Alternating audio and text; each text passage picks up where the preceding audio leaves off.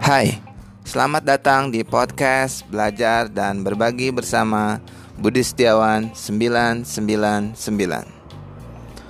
Topik yang akan dibahas kali ini adalah memahami pengertian dan tahapan proses dari research pemasaran atau marketing research. Sebelumnya, perlu kita pahami terlebih dahulu definisi dari marketing research dan apakah definisi dari marketing research itu sama dengan definisi dari market research.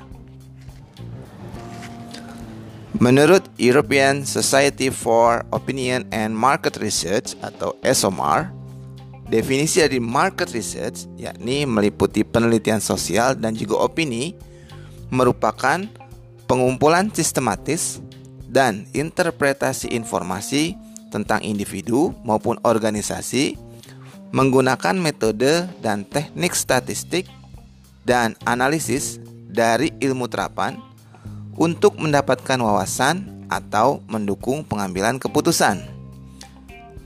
Dalam hal ini, identitas responden tidak akan diungkapkan kepada pengguna informasi tanpa adanya persetujuan eksplisit dan tidak ada pendekatan penjualan secara langsung yang akan dilakukan kepada mereka, yakni para responden tersebut, sebagai akibat langsung dari informasi yang telah mereka berikan.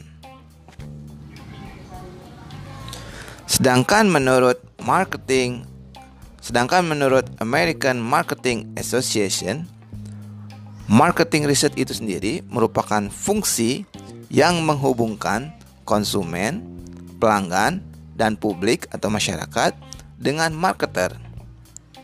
Melalui informasi-informasi yang digunakan untuk mengidentifikasi dan mendefinisikan peluang, masalah pemasaran, menghasilkan, memperbaiki, dan mengevaluasi tindakan pemasaran, memantau kinerja pemasaran, dan meningkatkan pemahaman pemasaran sebagai suatu proses. Sehingga, marketing research menetapkan informasi yang diperlukan untuk mengatasi masalah ini. Dengan cara merancang metode untuk mengumpulkan informasi, mengelola dan mengimplementasikan proses pengumpulan data, menganalisis hasil, dan mengkomunikasikan temuan serta implikasinya. Dari dua definisi tersebut di atas, maka dapat kita pahami perbedaan fundamental dari definisi antara market research dengan marketing research. Jika kita simak bersama, market research lebih erat terkait dengan industri penelitian dan good practice atau praktek yang baik. Di sisi lain, penggunaan marketing research dari definisi dari AMA atau American Marketing Association mengacu pada konteks konsumen yang lebih luas yang dapat mendorong dilakukannya penelitian. Ada enam tahapan terkait proses uh, research terkait proses marketing research. Tahapan yang pertama adalah problem definition atau definisi dari masalah.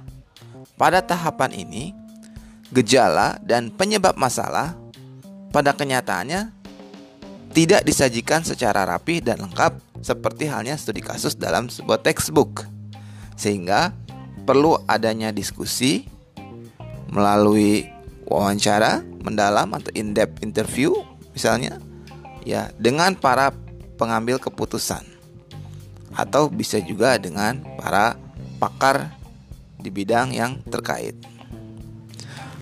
Pada tahap yang kedua dari marketing research process adalah adanya research approach develop.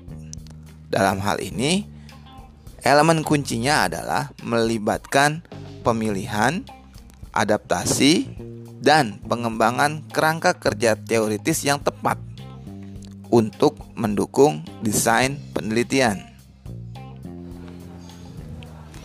Pada tahap yang ketiga, yakni Research Design Develop merupakan kerangka kerja atau blueprint untuk melakukan project research marketing. Hal ini dengan cara merinci berbagai prosedur yang diperlukan untuk mendapatkan informasi yang diperlukan. Pada tahap keempat dari marketing research process adalah field work or data collection, yakni merupakan satu tahapan pengumpulan data yang diperlukan. Dalam hal ini, datanya bisa berupa data primer atau data yang diperoleh dari sumber utama maupun datanya berupa data sekunder yang diperoleh dari selain sumber utama, sumber lain. Tahap kelima dari marketing research process atau proses dalam melakukan riset pemasaran adalah data integrity and analysis. Pada tahapan ini, persiapan data meliputi pengeditan, pengkodean, transkripsi, dan verifikasi data. Tahapan ini sangat penting dalam upaya memastikan integritas dan akurasi temuan hasil penelitian. Tahap keenam atau tahap terakhir dari proses research marketing adalah communicating research findings. Tentu tidak ada gunanya melakukan penelitian kecuali jika hasil yang diperoleh itu dapat dikomunikasikan secara efektif kepada para stakeholders sehingga diperlukan suatu keahlian yang spesifik bagaimana caranya menyampaikan hasil temuan riset kita kepada para pemangku kepentingan dengan kalimat atau dengan penyampaian yang lebih uh, tepat ya dan mampu dicerna dengan baik dalam kapasitas manajerial.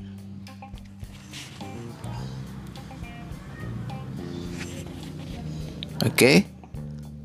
Klasifikasi dari marketing asset itu sendiri bisa terbagi dua, yaitu problem identification research, ya, research untuk mengidentifikasi masalah, dan pada bagian yang kedua dari marketing research itu juga bisa menjadi problem solving research atau research untuk menyelesaikan permasalahan. Pada problem identification research atau research untuk mengidentifikasi masalah, misalnya research untuk mengidentifikasi market potensialnya atau research untuk mengidentifikasi pasar mana saja yang potensial untuk bisa dimasuki oleh seorang pemasar. Atau bisa juga sebagai uh, contoh misalnya forecasting research ya. Research untuk melakukan suatu peramalan Sedangkan pada problem solving research, misalnya kita melakukan research terkait segmentation. Atau bisa juga kita melakukan research terkait produk, pricing, promotion, bahkan mungkin sampai dengan distributionnya. Demikian uh, pembelajaran kita kali ini.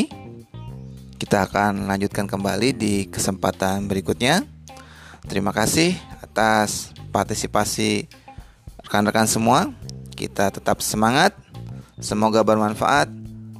Sampai jumpa di lain kesempatan.